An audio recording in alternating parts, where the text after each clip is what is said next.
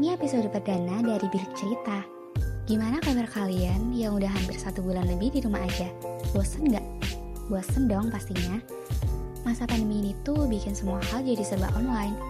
Mulai dari belanja online, kelas online kayak kita-kita mahasiswa ini, sampai kalian-kalian yang punya pacar pun jadi ikutan pacaran online.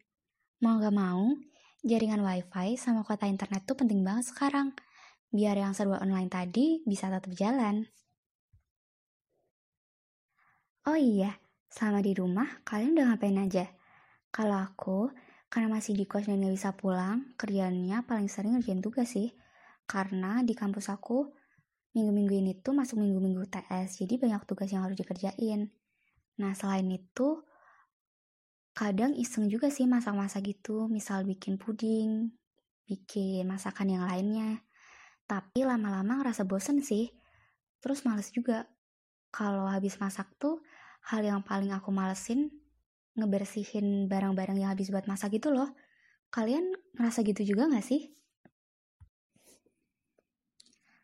Ngomong-ngomong soal masak, akhir-akhir ini Instagram story kalau nggak bahas story teman-teman kalian, berasa mendadak jadi chef semua gitu gak sih? Soalnya isinya kebanyakan tutorial masak kalau nggak foto hasil masakan mereka. Tapi sisi positifnya adalah kemarin-kemarin kalian yang sering bilang, aku tuh gak bisa masak. Dan ya, nyatanya bisa kan? Kalian tuh sebenarnya cuma perlu kemauan dan sedikit terpaksa buat bisa ngelakuin hal-hal yang kalian pikir gak mungkin terjadi gitu loh di hidup kalian. Ya salah satunya kayak masak ini. Tapi kayaknya bukan buat kalian aja deh. Tapi buat kita semua termasuk buat aku. Oke, lanjut. Selain masak sama nugas, biasanya kalau aku cuma goleran di kasur.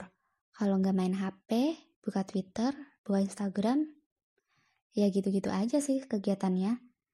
Dan sadar nggak sih, terkadang 24 jam yang kita punya, kebanyakan cuma habis buat main media sosial aja. Misal nih, aku bisa main Instagram lebih dari satu jam cuma buat lihat instastory temen.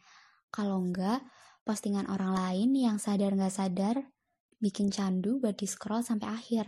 Padahal ya, kalau kita pikir-pikir nih, kalau kita nge-scroll postingan orang lain, kalau kita cari sampai akhir tuh kayak nggak ada akhirnya gitu loh.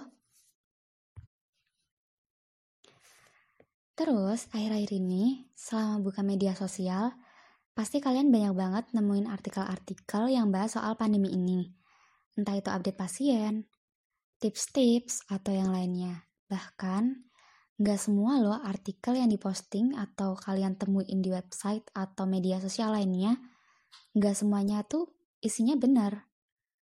Bulan lalu nih, waktu virus ini masuk pertama kali di Indonesia, kalau aku sendiri, setiap hari tuh berasa kayak pengen update info terkini gitu loh. Tapi, habis baca artikel-artikel yang ada, Aku bukannya jadi lebih siap menghadapi ini, eh malah semakin cemas. Sampai kemarin ada di satu titik ngerasa cemas dan ini tuh cemasnya lebay banget sih kalau menurut aku. Karena aku cuma buka medsos, terus nemuin satu artikel nih. Belum sama sekali aku buka, belum sama sekali aku baca isi keseluruhannya, cuma baca judulnya doang, tapi itu udah ngerasa khawatir gitu loh dan ini tuh khawatirnya tuh kayak bisa sampai kepikiran terus dan aku ngerasa ini tuh bener-bener gak sehat banget nah ada salah satu pakar promosi kesehatan Fakultas Kedokteran, Kesehatan Masyarakat dan Keperawatan UGM, yaitu Dr. Fatwasari, menyebutkan nih kalau rasa cemas, khawatir, dan stres sering banget dialami banyak orang ketika menghadapi situasi kritis. Ya kayak kita sekarang sih yang lagi menghadapi pandemi ini. Jadi wajar sih kalau kita akhir-akhir ini sering banget ngeluh stres. Apalagi kalian-kalian yang ngerasa dirinya ekstrovert, pasti ngerasain stres banget sih. Tapi hal-hal ini tuh bisa bikin imunitas tubuh kita tuh jadi menurun. Padahal kita semua tahu, kalau buat perang sama virus ini butuh kekebalan tubuh yang bagus. Terus, ada salah satu dokter lagi nih, namanya dokter Andri Aku tahu dokter ini karena beberapa hari yang lalu sempat buka Twitter dan nemuin salah satu tweet dari dokter ini. Nah, beliau tuh bilang kalau masa pandemi kayak gini, kalau kita baca berita atau artikel tentang gejala virus ini, tiba-tiba tuh kita ngerasa kayak gejala itu tuh ada di dalam diri kita gitu loh. Tiba-tiba tuh kita ngerasa kayak meriang, walaupun sebenarnya suhu tubuh kita tuh normal. Nah, beliau bilang hal itu tuh wajar banget, soalnya reaksi ini bakal timbul ya karena kecemasan berlebih kita gara-gara terlalu banyak mengkonsumsi berita tentang corona atau artikel-artikel tentang corona ini secara terus-menerus. Makanya kita tuh perlu banget mengelola stres dan kecemasan di masa-masa kayak gini. Salah satu cara yang bisa kita lakuin adalah memilah setiap informasi yang masuk ke pikiran kita. Misal nih, kita bisa membatasi artikel yang kita baca setiap harinya. Kalau kamu ngerasa cemas baca artikel tentang virus corona, Ya lebih baik kalian baca artikel lainnya yang bisa bikin kalian senang.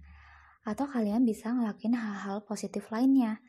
Lakuin hobi kalian yang bisa menimbulkan kebahagiaan di diri kalian.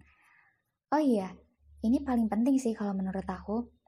Kalian juga perlu menanamkan di pikiran kalian kalau kita itu bisa melewati semua kondisi ini. Intinya adalah, nggak cukup cuma dengan tubuh atau fisik kita doang yang sehat, tapi pikiran kita juga harus ikutan sehat. Karena kalau kita terlalu cemas, ntar bisa jadi stres. Terus ujung-ujungnya jadi gampang sakit deh karena imunitas tubuh kita menurun. Tapi gimana nih kalau kita udah terlanjur cemas yang berlebihan kayak tadi? Nah, karena kemarin aku sempat ngerasain kayak gini juga, hal yang aku lakuin pertama kali adalah mencoba untuk gak main media sosial, atau lebih tepatnya membatasi diri buat gak main media sosial.